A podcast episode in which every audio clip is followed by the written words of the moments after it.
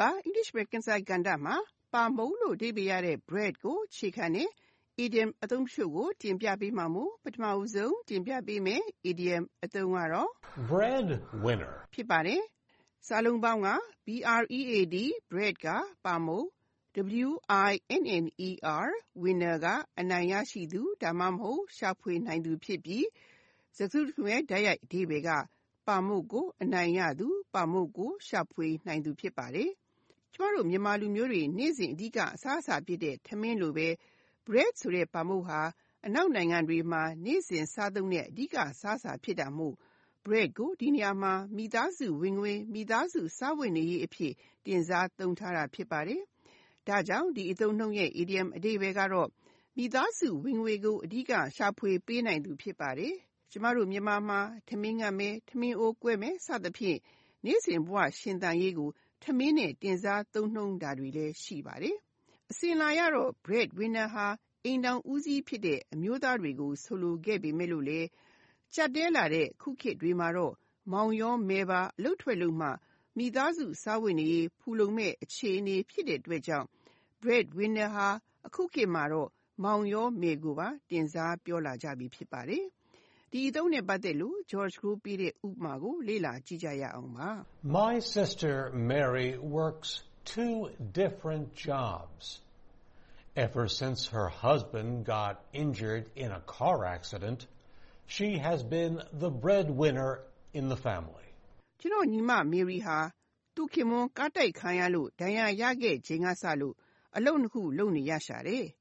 သူဟာမိသားစုဝင်ငွေကိုအဓိကရှာဖွေပေးနေသူဖြစ်တယ်လို့အဓိပ္ပာယ်ရပါတယ်။ဥပမာကိုနောက်တစ်ခေါက်လေ့လာကြည့်ကြရအောင်ပါ။ My sister Mary works two different jobs.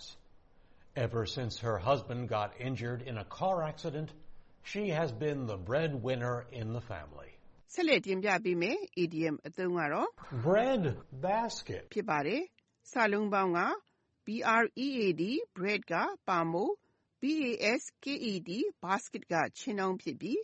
စကားစုတခုရဲ့ တိုက်ရိုက်အဓိပ္ပာယ်က ပါမှုချင်းတောင်းဖြစ်ပါတယ်။ပါမှုဟာ အနောက်နိုင်ငံတွေရဲ့ အဓိကအစားအစာ ဖြစ်တယ်လို့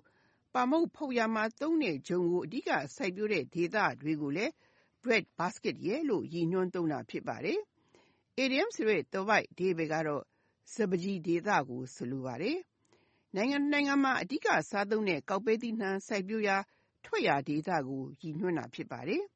ကျမတို့ မြန်မာနိုင်ငံမှာတော့အေရဝတီတိုင်းကို စပကြီးဒေသဖြစ် ရည်ညွှန်းသလို အမေရိကန်ပြည်ထောင်စုမှာတော့ အနောက်အလယ်ပိုင်း ပြည်နယ်တွေကို bread basket ရဲ့လို့ ရည်ညွှန်းသုံးတာ ဖြစ်ပါတယ်။ဒီအသုံးနဲ့ ပတ်သက်လို့ George ကိုပြတဲ့ဥမာကို လေ့လာကြည့်ကြရအောင်ပါ။ The Delta area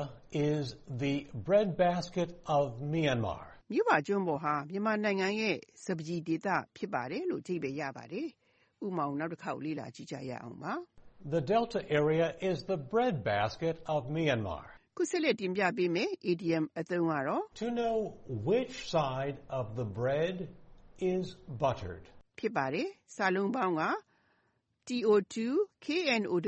to know ကသိရှိတာ which which side which side ကဘယ်ဘက်က the bread the bread ကပါမို့ is is is buttered က ထောပတ် သုတ်ထားပြီးဖြစ်ပြီး စကားစုတခုလုံးရဲ့ တိုက်ရိုက်အဓိပ္ပာယ်ကပါမုတ်ရဲ့ ဘယ်ဘက်ချမ်းမှာ ထောပတ်သုတ်ထားတယ်ဆိုတာကို သိဖို့လိုတယ်လို့ အဓိပ္ပာယ်ရပါတယ်။ပါမုတ်စားမယ်ဆိုရင် ထောပတ်သုတ်စားလိရှိပြီး အဲ့ဒီထောပတ်သုတ်ထားတဲ့ဘက်က စားသူအတွက် ပိုပြီးအရသာရှိတာ ဖြစ်ပါတယ်။နေ့စဉ်ဘဝမှာလည်း ဒီတိုင်းပါပဲ။ဘယ်သူက ကိုယ့်အတွက် အကျိုးပြုနိုင်မယ် ကိုယ့်ဘဝ တိုးတက်သားယာရေးအတွက် ဆောင်မပေးနိုင်မယ်ဆိုတာကို လူတဦးအနေနဲ့ ပါဏလိမ္မာမှုရှိရင် သိမှာဖြစ်ပါတယ်။သိခဲ့ရင်တော့ You know which side of the bread is buttered လို့ဆိုရမှာပါ။အရိပ်သုံးပါး နားမလဲပဲကိုယ့်အတွက် အကျိုးရှိမှာကို မသိပဲခါအားအား ခပ်တုံတုံဆိုရင်တော့ You don't know which side of the bread is buttered လို့ ဆိုနိုင်ပါတယ်။ To know which side of the bread is buttered ဆိုတဲ့ idiom အသုံးကတော့ အရိပ်သုံးပါး နားလည်တာ၊လှင်တာ၊ဘယ်သူက ကိုယ့်ကို အကျိုးပြုမယ် ဘယ်သူ့ကို ဆရာတင်ရင် ကိုယ့်အတွက်အကျိုးရှိမယ်ဆိုတာကို ကွဲကွဲပြားပြား သဘောပေါက်နားလည်တာ အကင်းပါတာကို ဆိုလိုတာ ဖြစ်ပါတယ်။ဒီအသုံးနဲ့ ပတ်သက်လို့ George ကိုပြတဲ့ဥမာကို လေ့လာကြည့်ကြရအောင်ပါ။ Fred sure knows which side his bread is buttered. He goes out of his way to please the boss. Fred က သူ့အကျိုးအတွက်မြင်တဲ့ တကယ့်ကို လှင်တဲ့လူပဲ။သူ ဆရာသဘောကျ ဘာပဲလုပ်ရလုပ်ပေးတဲ့လူဖြစ်တယ်လို့အဓိပ္ပာယ်ရပါတယ်။ဥပမာနောက်တစ်ခေါက်လေ့လာကြည့်ကြရအောင်ပါ။ Fred sure knows which side his bread is buttered. He goes out of his way to please the boss. ဒီသတင်းပတ်တင်ပြခဲ့တဲ့ idiom အသုံးတွေကတော့ Bread winner, bread basket. To know which side of the bread is buttered. ဖြစ်ပါတယ်။နောက်သတင်းပတ်ခုလိုချိန်မျိုးမှာလည်း နောက်ထပ် idiom အသုံးတွေကို ဆက်လက်တင်ပြပေးဦးမှာမို့ စောင့်မျှော်နားဆင်ကြပါရှင်။